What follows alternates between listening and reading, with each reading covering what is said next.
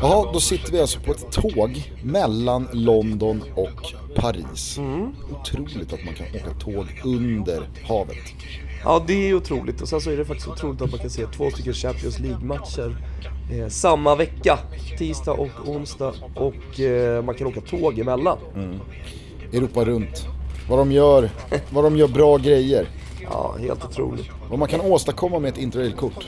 Ja, det är, faktiskt, det är faktiskt helt sjukt. Och det är det någonting jag verkligen vill rekommendera så är det ju liksom att ta med London som en destination när man ska se Champions League två dagar. Man skulle ju också, det pratade vi om här tidigare Gusten, man skulle ju kunna se en Premier League-match och sen så tar man sig ut i Europa då via London med tåget. Framförallt så har ju London öppnats upp som en ruskigt bra tågdestination till sommarens EM. Där spelas Ja, det ju en hel del matcher, semifinaler, final och så vidare. Så att de som tror att ja, men London och England måste man flyga till. Nej, nej, nej. nej. Nej nej, och vi går verkligen i god för hur jävla bra detta är, eller hur Gustav? Det enda kruxet i den här kråksången va, det är ju att våra medresenärer här på tåget inte verkar... De, de jublar inte över att vi har dragit igång två mickar här och har börjat prata. Så att, Så känslan är att de gillar min röst sämre än vad de gillar din röst. ja, jo, så kan det nog vara.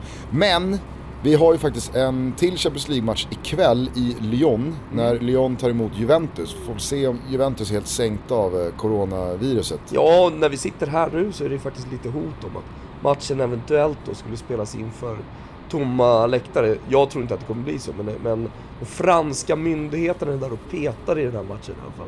Nej, men, så jag tänker att vi, vi kanske bara ska ta oss till Lyon, Mm. så kan vi tystna här nu på tåget och göra våra medresenärer lite glada. Och så hörs Vi bara lägga lite tågljud så här, så rullar nu några sekunder så folk får känslan av hur det är att jag, jag tror att de har hört det. Ja, då hör du Sen bakgrunden. vi har börjat Jo, men jag tänker, jag tänker så att vi tystnar. Men tågljudet bara fortsätter. Tågljudet bara fejdar in i introt. Ja. Och så hörs vi efter introt och då har vi kikat på ytterligare lite fotboll. Eh, kanske har också Malmö FF slagit ut Wolfsburg ur Europa League. Exakt. Eh, Så vi, vi hörs snart. Vi säger ett stort tack till Europa Runt som eh, har skickat ut oss eh, med tåg här i Europa. Och vi slår återigen ett ordentligt slag för att man via Europa Runt kan skapa sin egen kanonfotbollssemester via tåget i Europa. Mm. Och tänk på det inför EM i sommar som spelas på så många olika platser. Tänk tåg! Eller hur Gustav? Ja, Nu måste jag vara tyst. yes. Sorry. Excusez-moi. Y'all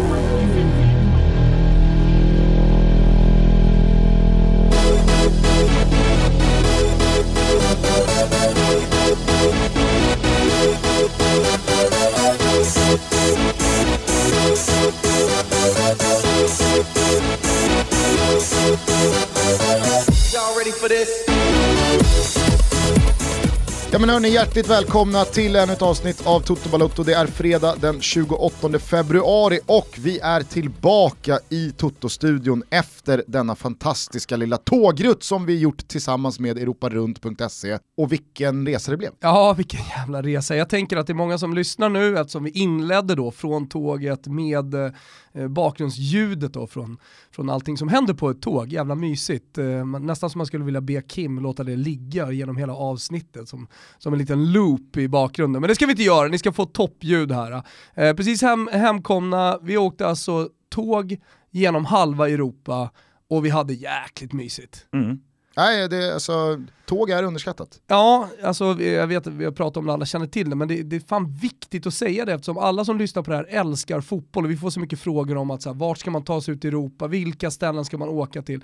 Nummer ett, alltså London är en dunderstad, alltså Stamford Bridge är en dunderarena. Vi ska prata mer om det sen i avsnittet, men, men alltså, ja, det behöver man inte ens säga. Men från, från London, att ta sig vidare ut på kontinenten, det är inga som helst problem. Och det är så jävla enkelt att bara tågstation, vidare och sen så väljer man sin destination. Liksom. Ja, ja, det, är, det är grymt. Grymt inför EM också som vi sa precis. Och sen går det ju inte att komma ifrån hur mycket najsare det är att anlända till en stad mitt i hjärtat, mitt i kärnan och kliva ut från tågstationen istället för att komma till flygplatsen 30, 40, 50 minuter utanför stan och sen så är det någon taxiresa eller det är någon flygbuss Jävla eller vad det nu är. Liksom. liksom, hit och dit.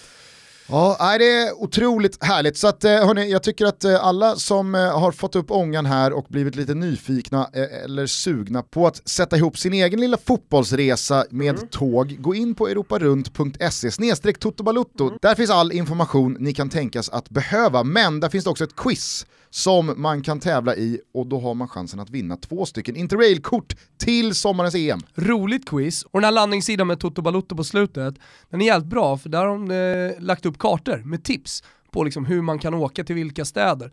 Så kan man liksom utgå ifrån den när man planerar sin fotbollsresa. Det tycker jag var jäkligt bra gjort av Europa Runt-gubbarna. Ja. ja, jag tycker återigen att vi lyfter på hatten för europarunt.se. Och från det så tar vi oss in då i avsnittet, för det har ju spelats en massa fotboll. Vi har varit massa fotboll, det finns en del reflektioner från det såklart. Och så hade vi Malmös uttåg igår som vi kort ska ta ner. Mm. Då har vi väntat in malmöiterna återigen. Och sen så blir det inget, det, det är roligare att sitta här och liksom prata om en framgång för, för Malmö, för dig och mig. Eh, för sist var det någon som skrev liksom att vi var alldeles för skeptiska. Och så här, men äh, förluster är förluster. Fan halva Malmö stadion hade gått innan tilläggstiden igår. Mm. Eller hur? Ja. ja. Så att eh, det, det, vi, vi, vi, vi är mer i debaclet här liksom. Här kommer ett svep. Mm. Under tisdagen så klev Lionel Messi ut på San Paulo för första gången, men föga förvånande så var Diego Maradona fortfarande den stora argentinska kungen i Neapel när slutsignalen ljöd. Mertens klev upp jämte Mark Hamsik som klubbens meste målskytt genom tiderna med sitt ledningsmål, men Griezmann lyckades kvittera och sätta katalanerna i ett gynnsamt läge inför returen på Camp Nou. Samtidigt i London och på Stamford Bridge fick undertecknat Kimpa Wirsén och Wilbur José bevittna Bayern München leva ut själva essensen av klasskillnad i matchen mot Chelsea. Tyskarna var dominanta och spelförande i den första halvleken och fullständigt överlägsna i den andra. Vilket fotbollslag och vilken arena! Men sick vilken deppig inramning hemmapubliken bjöd på då. Onsdagen bjöd de sista två åttondelarna och sportsligt riktades de flesta blickarna mot Madrid och ett krisande Real och deras möte med Manchester City. Pep Guardiola drog ner byxorna på en hel fotbollsvärld och inte minst Martin Åslund som smått chockad satt i Viasat studio och gapade över det faktum att Pep släppt på alla principer, gett ifrån sig bollen och pragmatiskt förhållit sig till uppgiften. Det höll på att sluta i förlust dock. Men med två sena mål lämnade engelsmännen med segern 2-1. Var håller egentligen Zidans säsong på att ta vägen? I Lyon så hade hemmalejonen inga som helst bekymmer att hålla Sarris långsamma Juventus stången. Jag vet inte om bortalaget sprang runt med den stora coronanojan eller vad problemet var, men Lyon vann klart rättvist och öppnade upp detta dubbelmöte på vid gavel inför returen i Turin. Och sick! Vilken härlig inramning hemmapubliken bjöd på då. Mm. Va? Det gjorde också Malmö supportrar till returen mot Wolfsburg under gårdagskvällen, men tyvärr för MFFs del inte till någon nytta. Visst kan vi sitta här och oja oss över VAR hela morgonen, men jag tycker sett till hela matchen så var det ingenting att snacka om. De himmelsblå lyckades inte ens uppbringa ett enda skott på mål, medan tyskarna snarare gick på halvfart i andra halvlek och gick ifrån till otvivelaktiga 0-3. Tunga exits även för Portugal-trion Porto, Benfica och Sporting. Eh, Champions League-semifinalisten Ajax gick på pumpen mot Getafe och Celtic sumpade åttondelen hemma mot FCK efter storspel av Kalle Johan Jonsson. Men tyngst fall stod ändå Arsenal för som i en period av optimism, framåtanda och styva segel gick under hemma mot Olympiakos. Det gör ont, det gör verkligen ont, sa Arteta efteråt. Mm, det gör ju det. Livet. Ja, så länge man får behålla livet. Vi får väl se här när vi har kuskat runt halva Europa med coronasmittan, eller eh, rädslan över coronasmittan ska Våra sägas. tjejer är noja. Ja, alltså... De har börjat snacka ihop fett sig jävla om att... gulasch eh, till nojan. Alltså helt ärligt. Vi har varit i London och Lyon. Det är väl, och sen så varit på lite flygplatser och lite fotbollsarenor med folk från hela världen som var och kollade visserligen. Men alltså folk måste sluta noja över det här. Det är sån otrolig rädsla i varenda jävla rubrik. Sluta! Får ni skiten, ja men lev ut den. Eller dö. Men sluta fan noja. Ska vi gå och noja över allting hela tiden? Men det, det är så jämnt. Och det är den här jävla masspsykosen jag säger, nu har den drabbat hela världen. Skit i det där! Får ni det, ja men då, då, är, då är det så. då är det så. Fan vilken jävla sjukdom som helst, får man det, ja då, då är det så. Mm. Ut i Europa, res, åk till Lombardiet, andas frisk jävla alpluft. Skärper! Mm. Ja, men satt, satt någon dam förbi mig, eller bredvid mig på tåget med en sån här jävla mask. Du vet, den, den var så tunn. Så att jag såg ju hennes näsborrar och hennes tunga när hon läspande pratade i sin telefon. Så här, vad tror du att det där ska göra med dig? Ta bort den där fula masken. Jag eh, försöker tänka mig här hur du står i vit läkarrock inhyrd på någon mottagning och bara liksom slashar alla som kommer med hosta och feber och bara skit i, har du också- fått det så har du fått det. Det är också roligt att Lev jag, ut det i sådana fall. Alltså vi har varit på liksom, platser där det har rört sig mycket folk. Det är också roligt då att jag åkte runt halva Europa med, med en hosta. Mm. Som verkligen är en coronahosta. Liksom. Den, ja, den, den, den har gjort många rädda. Två pers har jag dock sprungit in i på tågstationerna runt om eh, i Europa som vi har varit här nu. Som har gått och sippat på en coronaöl. Ja, och den ena hade alltså ansiktsmask på sig, Gucci-kepa Ja. Och sugrör i coronan så han kunde suga i sig den. Ja, och sen så var det liksom så här, de- den andra, det var en asiatisk kvinna. Ja. Det, alltså, klockan var nio på morgonen, Ja, inte ens på det, halv nio. tågstationen i London Ja. där vi skulle åka. Och hon tar en corona då och liksom nästan så här sitter och driver med folk. Ja. Om, eh, det, det var bara så jävla coolt gjort. Det var roligt. Jag gillade det. Eh, jag skulle bara säga det nu, nu eh, när jag tänker på det. Det måste ju funnits de, eh, vad, vad, säger man, investerare, aktiespelare där ute som tidigt snappade upp och köpte in, köpte in sig på företag som gör sådana här masker. Ja, Måste ju gått satans bra senaste tiden, eller? ja det, det är möjligt. Ah, ja. Annars är ju börsen på väg åt helvete. Ja, jag har sett det. Polare som hade torskat 70 laxar på morgonen. Aj då. Ja, Trist. trist. Hörni, eh, ska vi ta den här eh, resan och de här Europadagarna lite i kronologisk ordning kanske? Vad gäller upplevelser. Jag var inne på det på svepet eh, vad gäller Stamford Bridge och tisdagskvällen. Ruskig arena, måste jag säga. Det var första gången vi var på Stamford Bridge, alla tre. Eh, det, det var ju lite så här Råsunda-vibb. En, en tight, tät eh, arena för knappa 40 000. Inga liksom öppna hörn, utan det, det var verkligen så här Man såg bra från alla platser. Ja, Så. ja jag, jag kände, och, och så låg den bland hus. Det, Mm. var liksom så här, det, var, det var i stadsmiljö, det var inte som Lyons arena eller som Allianz eh, arena för Alltså, Bayern München, att det ligger liksom utanför stadskärnan längs en motorväg. Utan här var det verkligen något annat. Så att där, där var vi nöjda. Ja, Och vi och var vi, väldigt nöjda på puben innan. ja, och det måste man ändå säga. Alltså när man ska summera en fotbollsresa så måste man ju ta med precis allting. Mm. Eh, och om då vissa saker är viktigare än andra, som till exempel stämningen på arenan håller jag väldigt högt liksom, när, när summeringen ska göras. Men det fi- finns ju mycket annat också som är viktigt. Till exempel pre-gamen. Alltså vi har pratat om the old peacock i Leeds. Alltså engelsmännen är ju fem plus på att ladda upp inför en match. Mm. Och det var skitkul, vi hade roligt tillsammans med Chelsea-supportrarna. Eh, vi var tydliga med att vi liksom var neutrala, men vi hade, de bjöd in oss och var vänliga och, och vi sjöng ihop och sådär. Men sen händer ju någonting när man väl kommer in på arenan. Alltså när vi var i Leeds, hur många var vi? Var vi 14 pers kanske? Så, så lät ju vi mer när vi körde ponnyramsan Mm. än, än vad resten av arenan gjorde. Jag överdriver lite såklart. Men just det här med att man jobbar någon jävla ljudtopp, typ Come on Chelsea, come on Chelsea, den där klassiska, kommer någon gång ibland. Sen är det tyst liksom. Mm.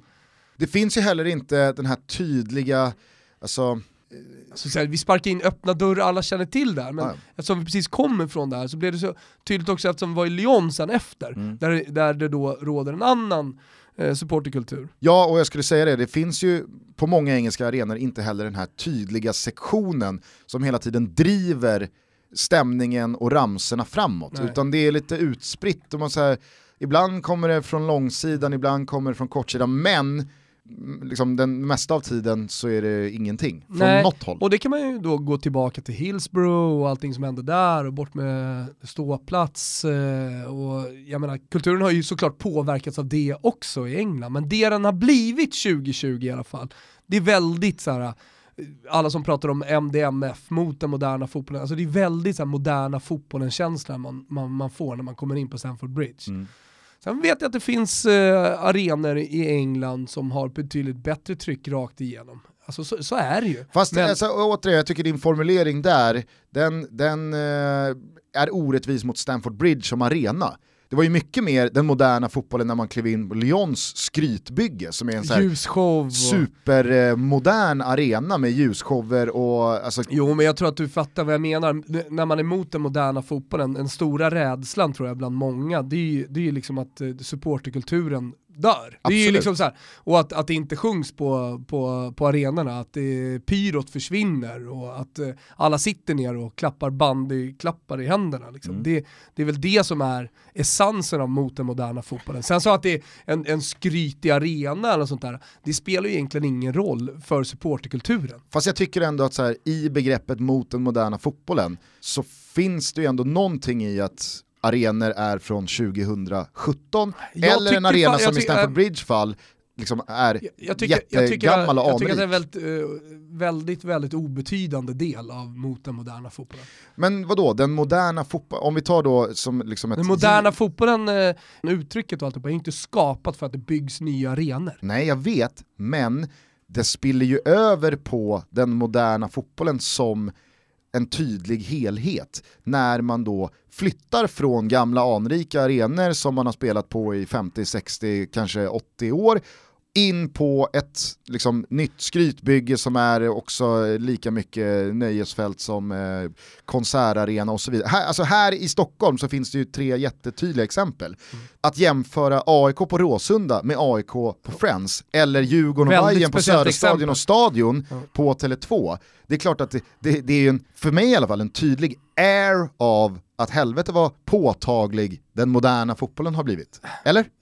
Ah, jag tycker att det är en jävligt obetydande del alltså, i slutändan. Alltså, I hela begreppet mot den moderna fotbollen. Alltså, kolla på den jävla ljudkulissen som Lyon-supportrarna skapar.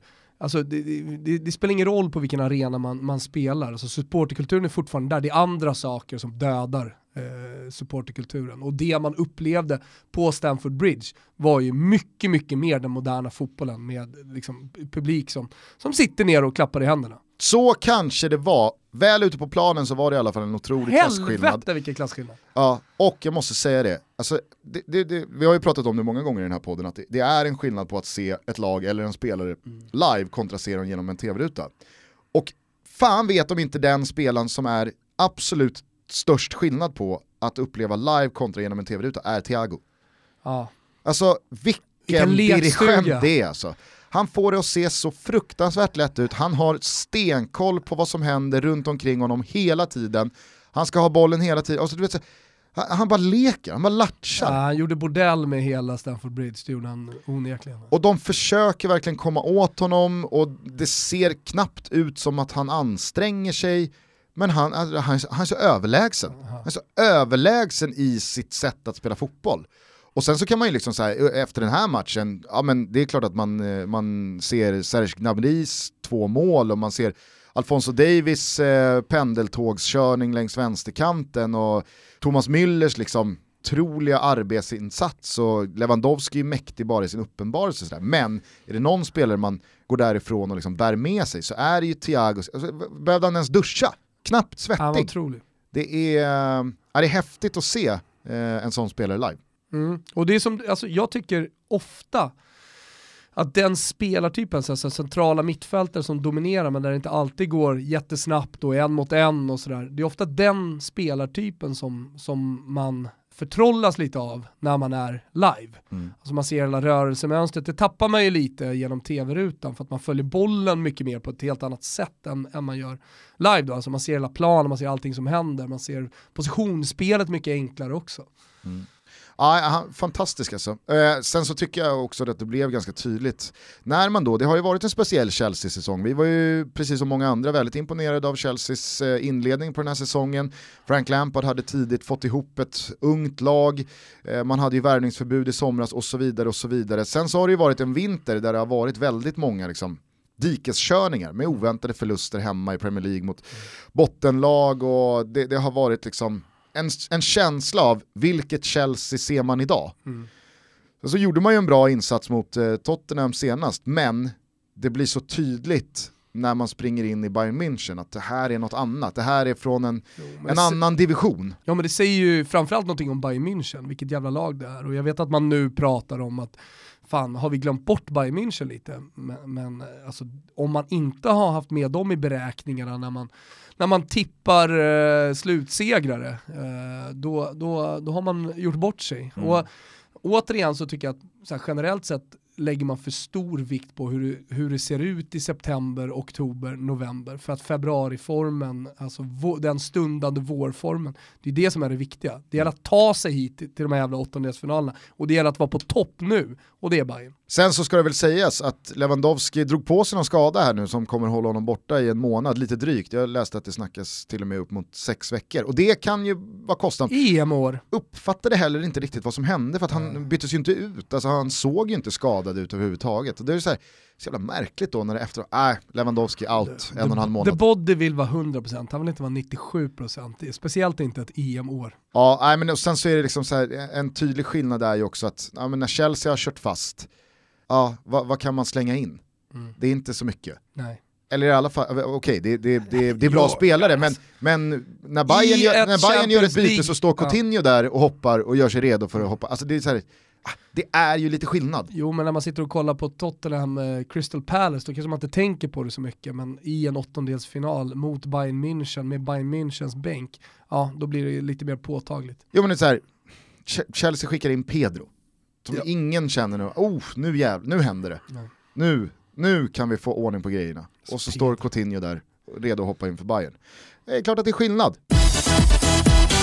Vi är sponsrade av Sniff. Ja, S-N-I-P-H uttalas alltså sniff. Det är viktigt att säga så här i inledningen. Nu kanske folk undrar, vad är sniff? Jo, då ska jag bara kort berätta, så ska du få ta vid sen Gusten. Men det är alltså en prenumerationstjänst för doft som månatligen levererar mindre flaskor, alltså 8 ml för att vara tydlig där, av exklusiva och lyxiga dofter till dig baserat på din valda doftprofil. Och vad är då en doftprofil? Jo, man väljer alltså en kollektion på sniff.com och sen så tar Sniff då hand om resten. Vet man inte vilken kollektion eller doftprofil man har så kan man börja med det smarta quizet som finns där på hemsidan.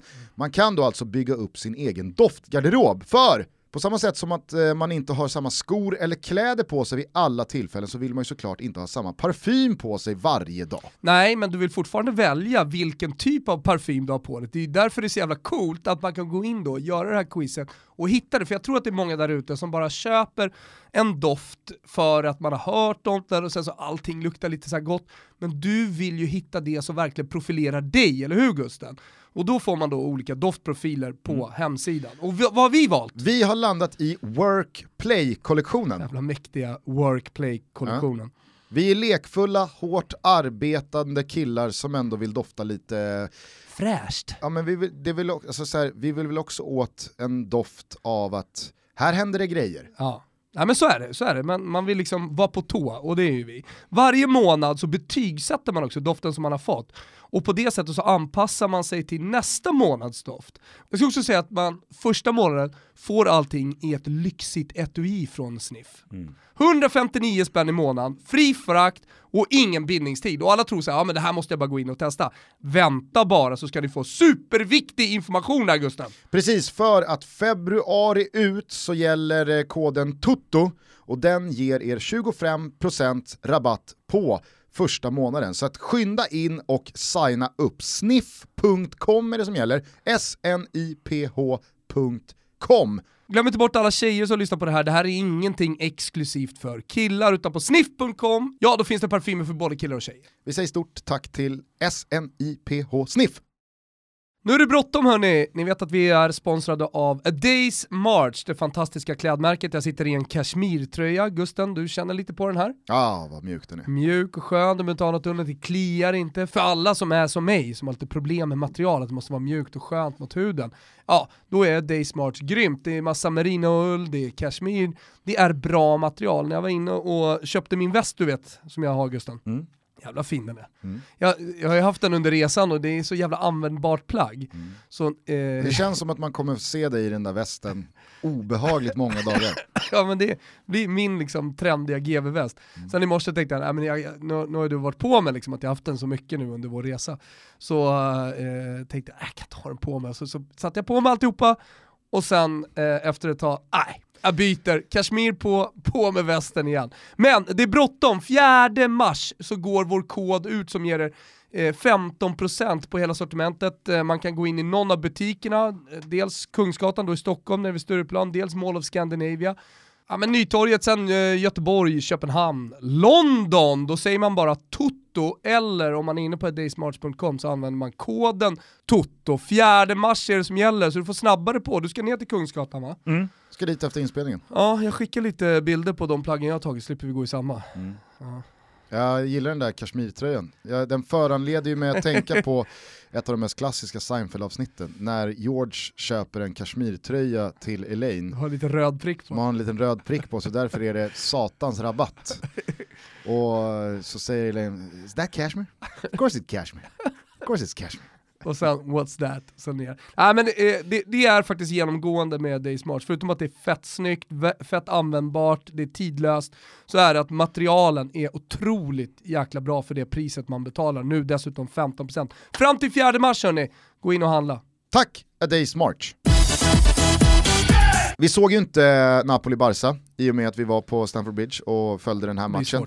Men jag tyckte du, eh, du satt ju och resonerade högt för dig själv på tåget dagen efter att Gattuso håller ändå på, liksom, eh, han håller på att vinna. Mm. Alltså från en tränare som man nästan såg savannen på, så vad, vad, ska det bli av eh, Gattuso? Det var ju snack tidigt januari, slutet på december eh, om eh, Eh, en, ett tränaruppdrag i Ryssland, han hade synts i Moskva, han var nog där och liksom kände på det, eh, men, men hade väl liksom Napoli någonstans i bakgrunden hela tiden som, som var ute efter honom och det var väl hans eh, första val hela tiden. Eh, men så här, en Gattuso som hamnar i Ryssland, en Gattuso som inte får Napoli, ja, vad skulle han ha fått då? Och sen så inledde han då Napoli-tiden med ja, men, tunga resultat emot. Eh, men det började väl snackas om att De Laurentiis ångrade sig och ville ha tillbaka Ancelotti. Ja det var ju ryktena som gick men eh, han har ju hela tiden stått liksom utåt officiellt på Gattusos sida. Men det var ju så jävla mycket jidder där med retiron och det var strejkande supportrar. Alltså det var total jävla kris i, i Neapel. Och han har faktiskt lyckats vända på det. Det är lite sättet han spelade fotboll på, på något sätt eh, symboliserar honom också som tränare. Det är mycket kavla upp ärmarna, det är mycket snack om att liksom gå in och kriga, jobba sig igenom krisen. Och det är precis det Napoli har gjort. Det är inte så att man har vunnit med 5-0, helt plötsligt så spelar man fantastisk fotboll. Man har, man har sakta men säkert höjt sig mm. och blivit bättre och bättre och bättre. Alltså, ja, men den här matchen mot Barcelona, leder 1-0, fan hela jävla arenan i, i, i uh, eufori och Mertens gör som du säger, han kommer upp i Hamsiks mål, uh, målrekord. Uh, alltså, helt plötsligt, på en månad, så har resultaten gjort att alla helt plötsligt är optimistiska och positiva och ser fram emot eh, ja, det här mötet borta. Det är inte klart, jag hörde att det var, du sa det så här, det är gynnsamt läge, klart det är gynnsamt läge, klart Barcelona borde ta det här. Men fan Napoli kommer ge dem en match på Camp Nou. Och bara det, att man går in i den matchen som Napoli-supporter och spelarna med tro på det. Och, eh, alltså det är ju det Gattuso har gjort. Han har mm. vänt på precis allting och det är det, det ska han ha jävla cred för. Och det, det, jag var inne på, det, alltså från att vara en tränare som man absolut inte trodde på i och med att så här, tidig karriär, vad fan har han gjort egentligen? Han var Kreta och, och, och där är han bara ihågkommen uh, för en presskonferens som var lite rolig. Sometimes maybe good, sometimes maybe shit. Amen, och, och sen så då tillbaka Italien, han lyckades aldrig riktigt i Milan eh, och så, så, kan man ju då nu blicka tillbaka på den tiden och, och se liksom ett Milan som var på väg ner med spelare som, ja, men han, han kanske inte gjorde ett så dåligt jobb, som Gasperini till exempel när han var i, i Inter, han kanske inte gjorde så dåligt jobb, han kanske bara inte fick förutsättningar. Det är så många andra parametrar som spelar in när man ska bedöma eh, en, en tränares gärning i en klubb. Eh, så nu, nu känner man liksom fan Gattuso, där är framtiden ljus. No. Ja, verkligen. Men det är ju som sagt en enorm skillnad på 1-0 eh, och 1-1 som man mm. nu eh, landade. Hade man stängt igen och hållit stången och, och, och löst 1-0 och kunnat åka till Camp Nou med vetskapen om att ett mål kräver då tre av Barca, det är klart att det är en enorm skillnad. Och det fick ju Lyon med sig mot Juventus. Alltså, jag har inte sett några expected goals-siffror efter matchen, men nu vet hur man brukar prata om att ja, men det här var ett resultat som inte speglade matchen. Alltså 1-0 Lyon-Juventus.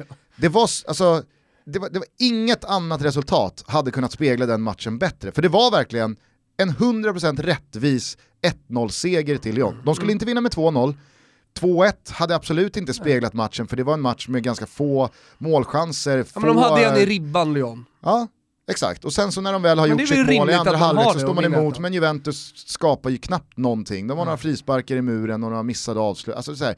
Men det, det, det osade ju aldrig katt, det var noll forcering, det var liksom inte... Man väntade på den här Och det var heller inga kontringar liksom. det var heller inga kontringar åt andra hållet för Lyon att gå för tvåan. Utan det, var, alltså, så här, det där resultatet, det var, undrar hur matchen var? Matchen var exakt som resultatet säger. 1-0 till här, här Lyon. finns det ju någonting att säga om Rudi Garcia också. Roma, Marseille och sen nu då i Lyon, haft det lite halvtrögt i ligan, eh, men går och vinner den här, eh, den här matchen. Var placerar vi honom liksom på tränarhimlen? Var, vem är Rudi Garcia egentligen? Alltså uppenbarligen så kan han ju uträtta stora grejer i Frankrike. Han vann ju ligan med Lille innan han kom till, till Roma och i Roma så gjorde han det ju, alltså jag var ju en stor Rudi Garcia anhängare. Tyckte det var tråkigt när han eh, fick lämna för, det väl fan tre år sedan snart. Men man ska ju komma ihåg att även fast det sladdas lite i ligan, det var ingen succé i Marseille, så ska man nog inte underskatta att dels hur det är att vara i Marseille, men nu i Lyon så är det ju ett lag som har tappat sina bästa spelare nästan kontinuerligt under två års tid. Det är en klubb som, ja, vart är man egentligen i sin självbild i en liga som PSG har förändrat totalt senaste 6, 7, 8 åren. Jag menar, backa bara 10 år så var det Lyon som gick för ligatitlar och Lyon som slog ut Real Madrid och gick till Champions League-kvartsfinaler och det var ett riktigt, riktigt jävla bra lag som hela tiden producerade franska landslagsmän och, och högkvalitativa Champions League-spelare. Nu är det ju något annat. Jag menar, kollar du på det där laget, ja visst det är, det är ett par spelare du känner igen från tidigare uppdrag i andra klubbar, men det är ju inte crème de la crème-spelarna, utan det är ju snarare från en annan hylla. Ja men det var ju någonting som bekräftades också av vår kypare på Brasserie George i Lyon som vi rekommenderar varmt till alla som besöker stan, eller hur? Verkligen. Otrolig mat och otrolig stämning, eh, skön jävla lokal. Det var mäktigt, men eh, det var ju precis det här han var inne på också. Hade inte så här jättestora förhoppningar inför matchen, fan mäktiga Juve kommer här nu. Vi, vi, vi har kryssat de senaste matcherna i ligan, det ser inte jättebra ut. Eh, och sen lämnade han oss för han skulle till arenan. Eh, och, men, men vi fick se ett helt annat Lyon än vad vi hade förutspått. Vi trodde ju stenhårt på, på Juventus ju, i den här matchen. Ja, och det fanns ju verkligen ingen anledning till att inte tro stenhårt på Juventus. De har ju varvat upp i ligan. Ronaldo gör mål i varenda match han spelar. Chiellini var tillbaka, nu satt han ju på bänken ändå. Vilket, ja, det var nog ett misstag av, eh, av Sarri att- att att- att sätta honom där. Men just... Eh, Jag tycker ändå så här, försvaret spelar inte så jävla stor roll. Nej, men fast lite vinnarmentalitet ute I fallet på planen, Chiellini så tror jag att man får en helt annan attityd. Det, alltså, Han så här- hade ju fan gjort mål i den här matchen bara av ren vilja. Ja, men var det någonting Sarri pratade om efteråt så var det här liksom så här. Äh, uppenbarligen så förstår inte mina spelare att vi måste flytta bollen snabbare, vi måste spela med ett högre tempo. Och det tror jag ändå Chiellini är någon slags garant för hela vägen bakifrån. Att så här, vi är ett lag som kan hålla ett tempo som inte Lyon kommer orka stå emot. Och då kan han få ut det på ett helt annat sätt än Mattis Delict. Eh, nu, nu, nu blev det ju Delict som spelade i en gammal fin Brolin bandagemössa. Jag åkte av sen. Det är alltid roligt att få det där monsterbandaget. Men då när det slutar som det gör, så Ser precis som jag sa... ut alltså. Ja, jag vet. Det, det är helt omöjligt att bära upp. Ja. Eh, det, och det går ju heller inte att inte tänka på när Vedran Chorluka då i EM 16 försökte då ta liksom det här bandaget till nästa nivå genom att spela i en liksom kroatrutig liten badmössa istället. Sanslöst. Det tyckte jag var bra. Jo, men det, det, var- det var ju inte så att man kände liksom så här coolheten kring ansiktsmasken. jag. Alltså. Som eh, Djurdjic eller Nej den är Kovacic. töntig. Speciellt när de är egna, Pazzini var en av de första som såg ut som Phantom of the Opera när han kom ut med liksom, ja, hans nummer, vad han nu hade där i Sampdoria. Det är lite lökigt. Och, och, och så liksom Pazzini, ja, men har, har du inte sett maskerna som, som kommer nu? Alltså folk, folk har ju verkligen specialgjort dem där. Jo, men är en hel masken, jävla industri. masken i sig alltså, andas ju inte liksom töntighet. Fast Choluka var alltså, i och med att badmössan symboliserar supportrarna. Alltså, Han, han, sprang runt i en liten badmössa. jo var men det är ju supporternas... Eh, At the end of the day så sprang han runt i en liten badmössa. supporterattiralj. Det är ju inte som att du har på dig älghorn för en, alltså en svensk spelare lånar en sån här Aftonbladet ful eh, eh, hårgrej. Va? Det hade varit sjukt. Det hade varit ruskigt sjukt. Det Granen kommer ut i, i, i bladets eh, sponsgrej. Hade i och för sig inte varit konstigt med tanke på att de, de, de ska in och sponsra på svenska flaggan och så vidare. Jag gillar du inte. Nej det gillar jag fan inte alltså. Hur som helst, det här slutar ju då 1-0 till Lyon, vilket ger dem möjligheten att åka till Allianz Stadium i Turin i- returen och ha då ett bortamål att gå på och då tvinga upp Juventus till 3. Och där är det ju liksom så här, jag, jag hör vad du säger att Napoli kommer åka till Camp Nou och ge dem en match.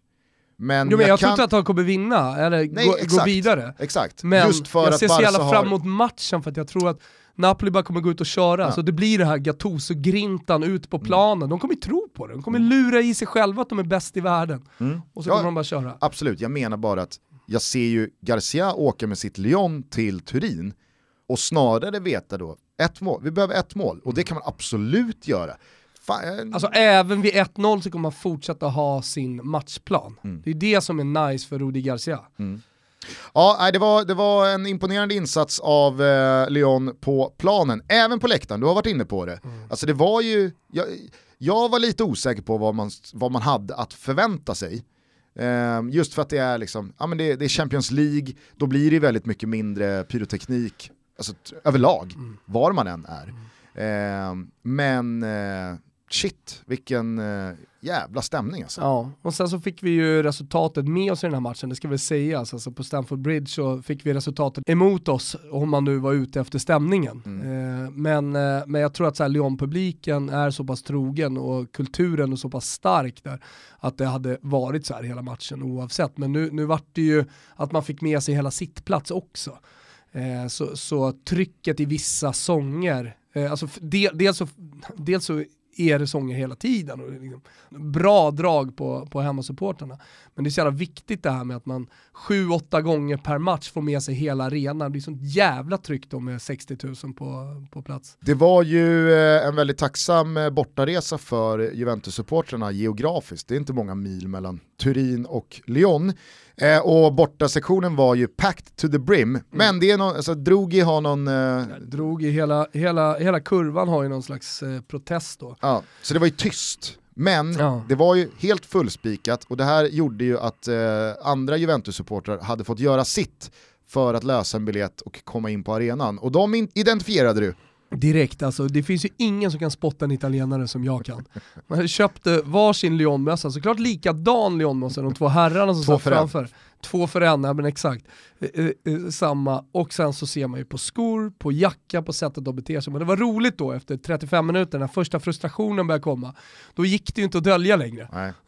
Alla runt sin- omkring sjöng med i liksom, Ja, Lyon-ramsorna. Ja. De satt och I Lyonmössor. i Lyon-mössor och byggde upp eh, Byggde- frustrationen. Ja, byggde upp frustrationen så till slut så började han svära där under sin lilla maskera. Och man såg liksom hur, hur, hur, hur jävla förbannad han började bli. Och så försvann de där i halvlek, kom tillbaka, buttra. Det var kul. Och så när Lyon eh, gör 1-0, alla liksom flyger upp, Mm. de sitter kvar. Han sitter kvar. De sitter kvar. Du eh, kastade in några vedträn också i elden. Körde några eh, Juve Merda-ramser på italienska bakom honom. Alltså det är Såg omöjligt som man hur han supporter till liksom- Fiorentina att inte hänga med när helt plötsligt Kino Salte Bianconero, en som inte hoppar i svartvit, börjar rulla. Och Ja. hela arenan står upp Ja. och hoppar. Jo men sen tryckte du till några extra egna, så, alltså, som inte hade 50 000 I ryggen där? Lyon-supportrar i Nej, ryggen. det är. Bara för att jag de skulle fortsatte höra. Mm. vissa ramser lite tydligare, för, för att jag ville ju också syna de här framför mig. Ja. Jag ville, ville att de skulle blotta sig. Och de, de, men de, de hölls i skinnet. De, De avslöjade, kollade, de kollade lite, det gjorde de. de avslöjades inte.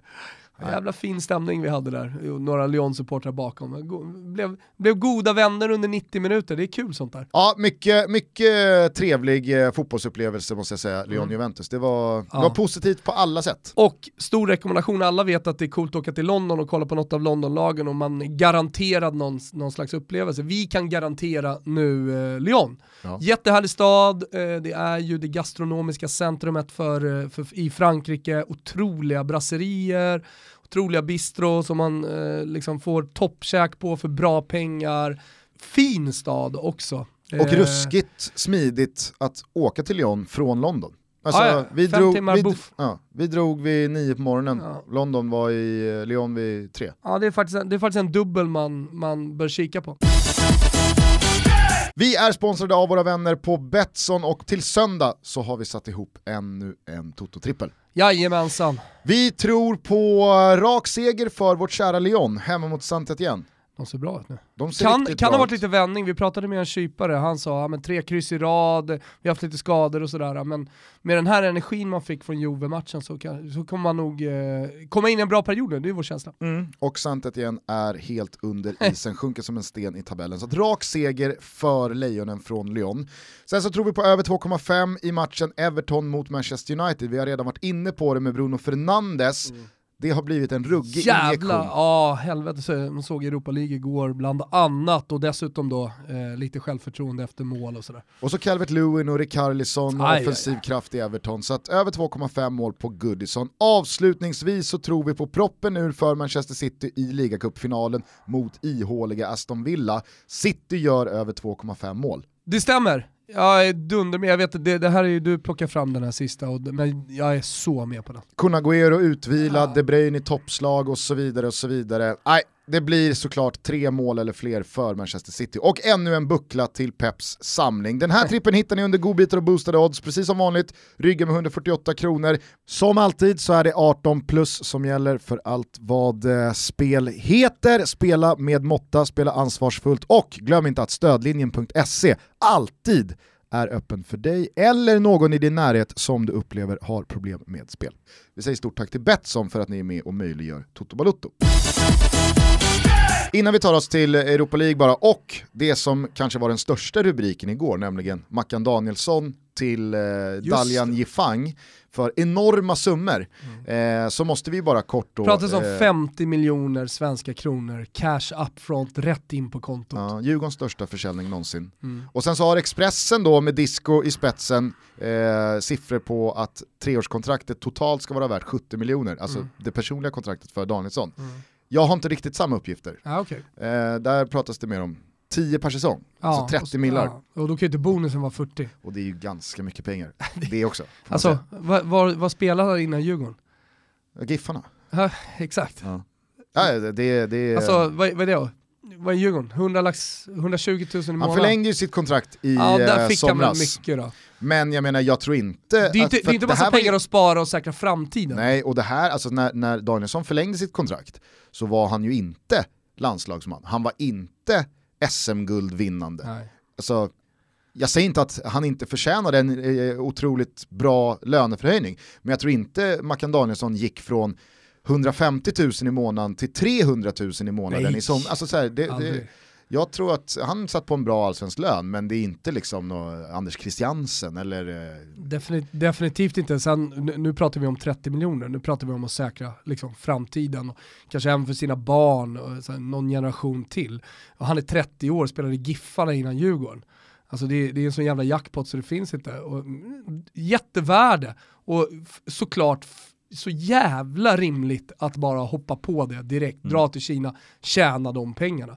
Jag såg att det, var folk som skrev på sociala medier att det, var- det var jättemärkligt, hur kan han gå till Kina? Här har han ett Champions League-kval som väntar. Här har han en EM-trupp liksom som, ska, som man ska kriga sig in i. För det första så är jag helt säker på att Mackan Danielsson kommer med i den där EM-truppen.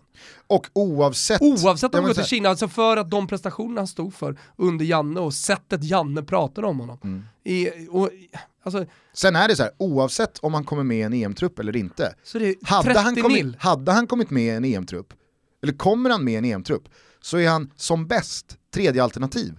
på mittbacken. Alltså spelar inte Granen så spelar Ponne. Ja. Alltså punkt.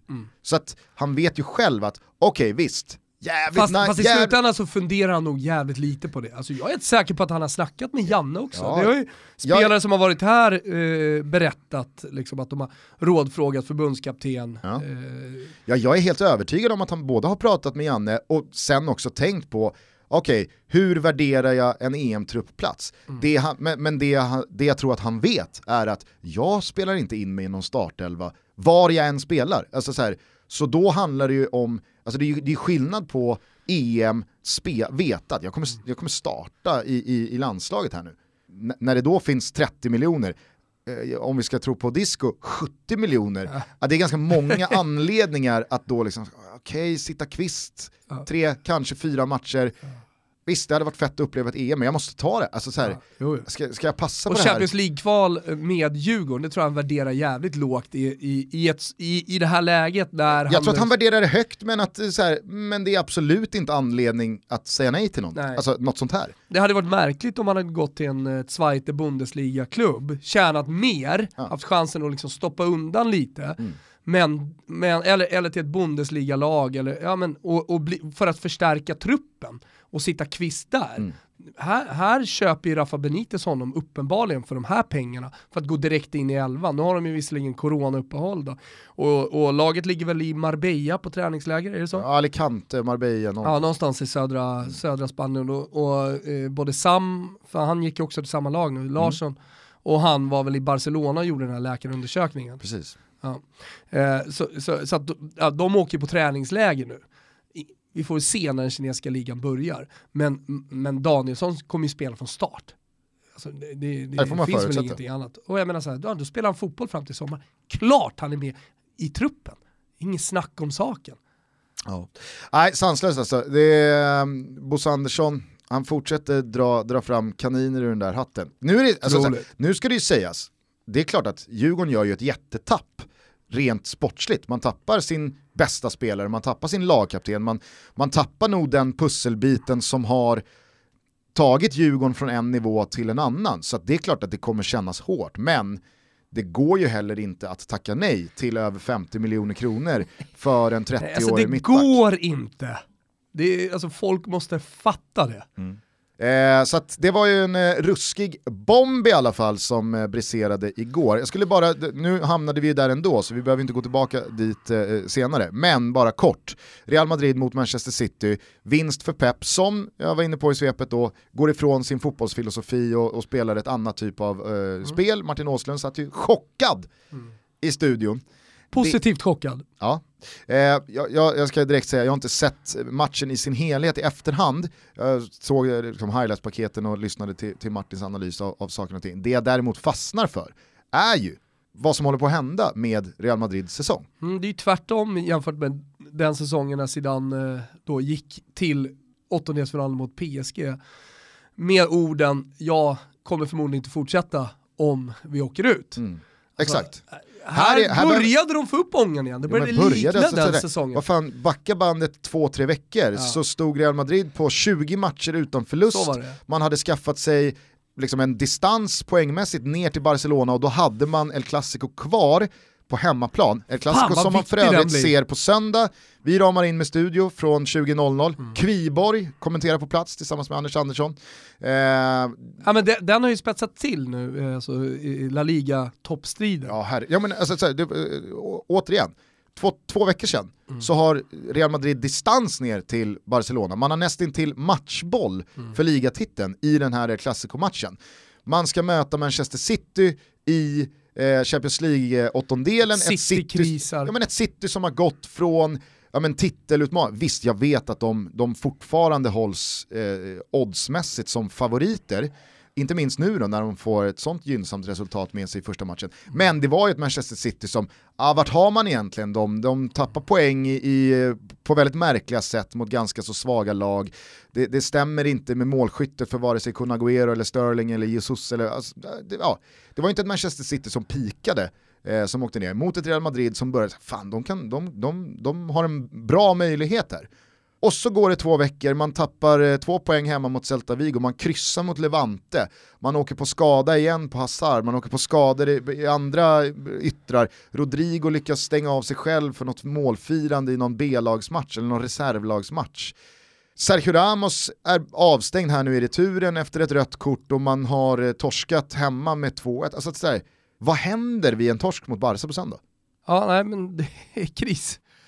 Ja, ja det, det, går så jävla fort i den här världen. Mm. Och så pratar vi om Napoli, liksom. ja. deras kris och sen nu då all entusiasm i ryggen. Det, det, det är så enkelt med fotboll. Mm. Det är bara att konstatera det. Spelet nere på planen får helt enkelt tala. Och på tal då, då om eh, resultat och att spelet nere på plan väl får tala så var det ju ingenting att snacka om på stadion i Malmö igår Nej. när Wolfsburg avgår med segern 3-0, vinner 4-1, eller 5-1 totalt. Mm. Eh, jag, jag, fick lite flashbacks till eh, Rocco Comisso efter eh, Fios eh, torsk mot Juventus där. När man torskar med 3-0 och så ska det liksom så här, det ska fås till att man inte får en straff, eller man får en straff emot sig. Här är, visst, det är ett pissigt VAR-beslut. Jag ser också att linjemannen står där med, med flaggan dragen, men jag tycker mig också se att det inte påverkar speciellt mycket av Malmö FF-försvararnas mm. agerande. Berang Safari är ju ganska tydlig efter, även om du hörde i intervjun, eh, när, där han helt stänger det. Alltså, han är ju den mest erfarna. Han är ju förbannad på dem som eventuellt då slutade spela. Han sa det, vi har fått jättetydlig information eh, att spela hela vägen tills domaren blåser, eh, jag hörde ingen vissla, eh, det är bara upp till oss liksom att fortsätta spela. Så, mm. så han, han la ju ingenting på VAR. Sen Nej, så fick jag ju ändå fråga, liksom, vad tycker du? Nej, men jag är väl ingen jättestor, alltså jag är väl emot VAR, eller han säger någonting liknande. Mm. men vad ska vi göra? Vi kan inte sluta spela, det är inte därför vi förlorar den här matchen. Och, sen, så börjar, och sen så får han frågan om ja, men varför gick inte det? Ja men då säger han ju det också, alltså, vi orkar ju inte andra halvleken. Nej. Och det är jättetydligt att eh, Malmö FF är i försäsong. Han säger ju det. Folk har lite roligt åt mig när jag säger att Svenska Kuppen är fortfarande försäsong för de allsvenska lagen, oavsett vilket mål man har. Vad då försäsong? Det är en officiell kupp. Jo, men man befinner sig mentalt och i förberedelser och allting, befinner man sig inte på sin topp. Det går inte att göra det. Om man är på sin topp nu, då kommer man inte att hantera eh, liksom, säsongen på ett bra sätt. Och eh, det, det, det, säger ju han igår också. Mm. Vi orkar inte. Ja, de har haft jättefokus på det här, det har varit jätteviktigt. Ja. Men det går inte. Nej, och jag menar Dillian Otlu och Discovery-studion gjorde ju sitt bästa för att få någon slags rubrik i att någon rasar mot VAR-beslutet här och domarens insats. Men som du är inne på, jag, jag lyssnade både till Adi Nalic och Johan Dahlin och Rasmus Bengtsson i studion. Alltså, ingen går ju, alltså, det är så här, nej, vi, vi vet ju vad, så där är ju reglerna. Ja. Så att vi ska inte sluta spela, det blev fel, vi kan inte skylla på det, det är jävligt frustrerande. Johan Dahlin sa, jag pallar inte ens, jag orkar inte, vad, vad, vad? Jag orkar inte ens prata om det. Nej. Och när resultatet sen blir som det blir, när matchen ser ut som den gör, Alltså i andra halvlek, ja, torska, de Torska 1-0 eller liksom att det där beslutet, det där målet ja, det, att det får, får direkt kon liksom. konsekvens, ja precis.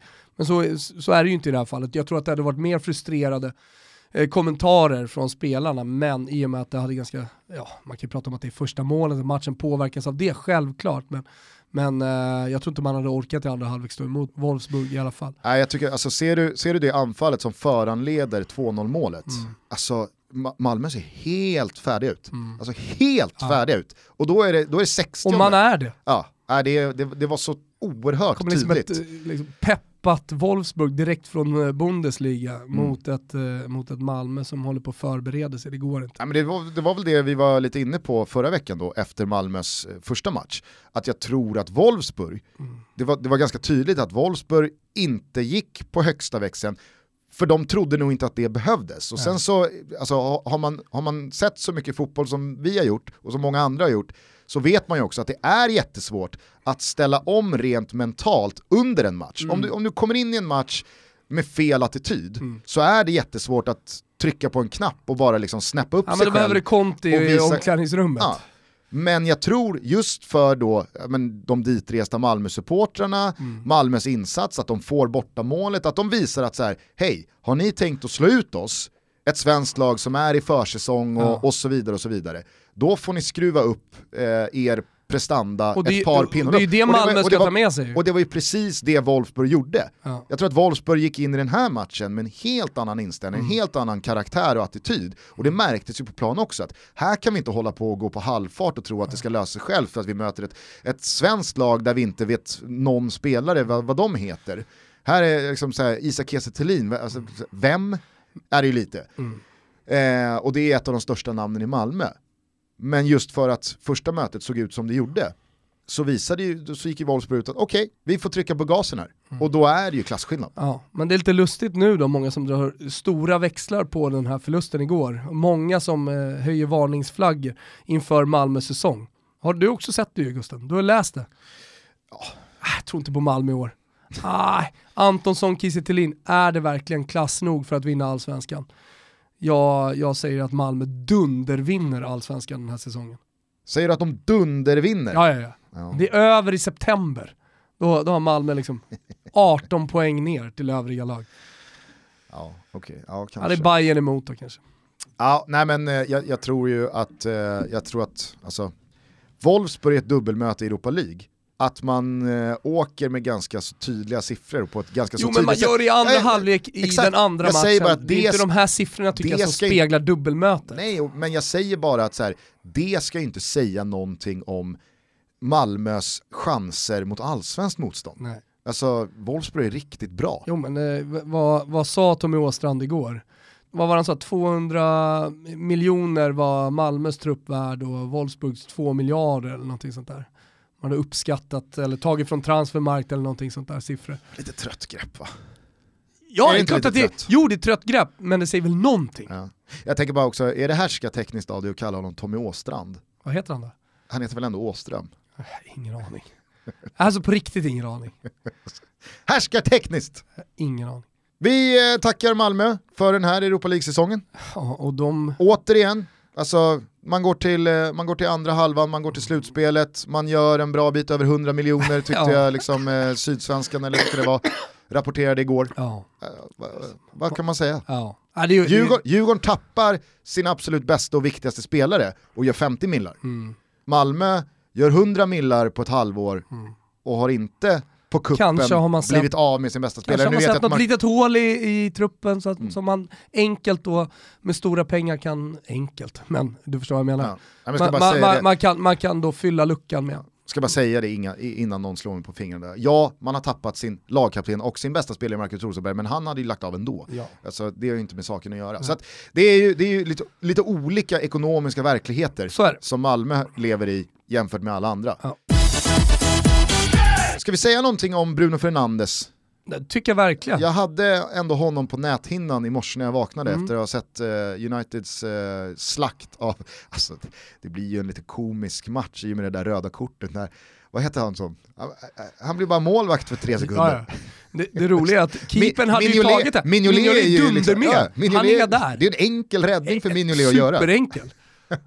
Nej, han ska ut med den. Och sen så var det ju många då som... Och eh, han försöker ju inte dölja den, alltså såhär, någon Suarez eh, eller Thierry Henry mot Irland, alltså du vet såhär när man vet vad man gör, men man snabbt försöker dra undan handen för att inte liksom visa. Han är, det är ju utsträckt arm, det är ju Peter Panter. Ja, eh, och eh, Jarelind, eh, Petter Andersson som var ny duo, kommentatorsduo, de förstod ingenting och det sipprade ju verkligen igenom ett varhat från, från Jarelind. Han inledde med att säga jag ska absolut inte ha någon åsikt här nu, sen så blev det mer och mer frustrerat. Det de missade, det jag missade, det många missade, var ju vad han faktiskt kollade på, eh, domaren här. Alltså går den där bollen på mål, ja men då ska det vara rött kort. Är den på väg utanför, då ska det bara vara gult kort. Det var ju därför han stod så länge och kikade. Liksom. hade ju varit ännu liksom, roligare, ett lager till av märklighet ifall Deli eller Deli gör den där räddningen när bollen inte ens är på väg mot mål. Hur som helst, eh, det blir ju då en tacksam uppgift för United att spela 11 mot 10 så länge av matchen och så får man straff. Men det ska och så, också göras! Absolut. Sen var de ju usla. Ja, Alltså i men uppspelsfasen och det, det noterades ju såklart av Petter Andersson också att de hela tiden försöker spela upp bollen och så blir man av med den på Uniteds höga press då. Men, ja, det, ja. Men vilken injektion Bruno Fernandes har varit för Manchester Uniteds bitvis under den här säsongen, eller bitvis, där är jag snäll, långa stunder hackande offensiv med då hackkycklingar som Jesse Lingard, Pereira, Daniel James har ju gått från wow, vilken jävla frisk fläkt. Var det Jonas Dahlqvist sa? Snabbast i världen, var det inte det? Det kanske det var. Nej men alltså, Daniel James tror jag många var väldigt positiva till efter en månad eller två under den här säsongen. Numera så har det varit så här, varför spelar han överhuvudtaget? Men Bruno Fernandes har ju nu kommit in och tagit det här laget från, ja, jag vet inte vilket pinnhål på stegen, men det har ju skett saker uppåt. Jävla fin han är. Vilken Mm. Ja. blick för spelet Ja, precis han har. den typen av spelare som United behövde. Alltså en bakom det där anfallet som, som kan diktera och som kan regissera hela anfallsspelet. Perfekt. Nej, det är snyggt. Kanske är det så att United går mot en härlig vår. Ja men exakt, det våras lite för United. Våras för United, vad Våras för trevligt. United, det, det tror jag. Hörru du, eh, ska vi börja ta helg? Det tycker jag. Det har Eh, varit, vi det har varit liten- eh, vi- intensiva dagar. Vi tar en helg-Pepsi. Det gör vi definitivt, Eh, det har väl vissa hört där. Min är slut så jag tar min andra och fortsätter då mitt nyårslöfte att jag ska dricka mer Pepsi 2020 än vad jag någonsin har gjort tidigare. Och så missar ni inte att ni kan tävla vidare under hela februari och mars i Pepsi Can Balance. Mm. Eh, skicka in era bidrag där med eh, exceptionella balansakter med eh, Pepsi-burkar så har ni chansen att vinna en resa till Champions League-finalen i Istanbul. Man använder sig alltså av hashtag, Pepsi Can Balance. mm, kan man ju skriva Precis. Toto Pepsi också, en hashtag, så samlar vi oss där, eller hur? Ja. Och så påminner vi återigen då om eh, söndag kväll, Simors kanaler, det är El Clasico, det är även Juventus Inter. Allting tyder väl på att det dock blir inför tomma läktare. Eh, lite tråkigt, eller jävligt tråkigt måste man ju säga, en sån match. Det har varit mycket snack om att den ska flyttas eh, till en annan arena och jag menar Juventus har ju spelat nere i Avellino tidigare eh, i historien och de har en stor supporterbas i södra Italien så att eh, ja, det, det fanns såna, sånt snack i alla fall. Men i och med att det är så nära till Lombardiet så är man lite rädd att det kommer en massa coronasmittade intersupportrar till Piemonte. Ja, och sen så kan man inte heller skjuta upp fler matcher. Alltså Inter är redan en match bakom, det är cupsemifinaler som ska börjar spelas, det är Champions League och Europa League. EM stundar. Så att, eh, ja, nej, det, det är tyvärr nog nödvändigt att spela den där matchen även fast det blir på publikens bekostnad. Men man ser i alla fall den här matchen, också då via Simors kanaler, och det är ju en ruskigt spännande sån. Jag tror ju att eh, om Juventus eh, vinner, då, då, då hängs? Inter av. Nej men då är det, då är det bara Lazio emot. Ännu en ligatitel för Juventus. Det är vad jag tror. Eh, således så förväntar jag mig en ruskig Inter-prestation. För att det här vet ju Conte också. Och jag tror att Juventus är ganska så tilltufsade efter den där Lyon-förlusten. Mm, och Inter har ju med sig då från Europa League-matchen mot Ludogorets eh, lite erfarenhet att spela inför tomma läktare. För det var ju ett eh, San Siro som kändes som en kyrka. Jag, Utan jag, jag, reagerade, jag reagerade dock på, om det var Gazettan eller vilken tidning det var som skickade då att Inter med ett tydligt budskap, alltså nu, nu, nu, eh, nu är Juventus varnade. Inter slog ut Ludogorets. Så, som att det skulle vara någon slags styrkebesked. Ja. ha 2-0 att gå på efter första matchen borta. Styrkebesked att inte slå ut Ludo. Nej, där får man snäppa upp sig. Ja, man får måste ha lite högre svansföring om man Ja. heter Inter. Eh, så att eh, se mig och eh, alla andra i simor gänget i studion från 20.00 på söndag. Teckna abonnemang nu om ni inte redan har gjort det. Man får dessutom hela Svenska Kuppen på ett bräde eh, utöver då La Liga och Serie A. Så att väldigt mycket fotboll i Simors kanaler blir det för typ 200 spänn i månaden. Mm. Med det så kanske vi ska säga eh, ciao tutti. Ja, Och tack till Europa Runt för fantastiska dagar längs eh, tågrälsen på den europeiska kontinenten. Stort tack och stort tack till alla er som lyssnar. Eh, Vi är tillbaka på måndag med ett fräscht måndagstoto. Det har säkert hänt en jävla massa grejer där nere på planen för det är där det händer va. Och resultat som har kastat om allting så vi får göra nya analyser av de olika lägena i klubbarna. Och det älskar vi ju att göra och vi älskar som sagt er som lyssnar. Fortsätt göra det, sprid vårt gospel så hörs vi. Här kommer en riktig jävla pangdänga. Ciao Ja, ja. tutti, trevlig helg. Ciao tutti. Inga gudar jämte mig, det var vad gudar sa. Men när jag såg det första gången bara visste jag. Om vi lyckas se igenom deras jantelag Så kan vi känna allt tillsammans till det gradfinal Ett förhållande det bygger på ge och ta. Vi ger, de tar, dags att ge sig av. För det som vi kan skapa om vi släpper krav Vi saknar gränserna de andra har så har det bra.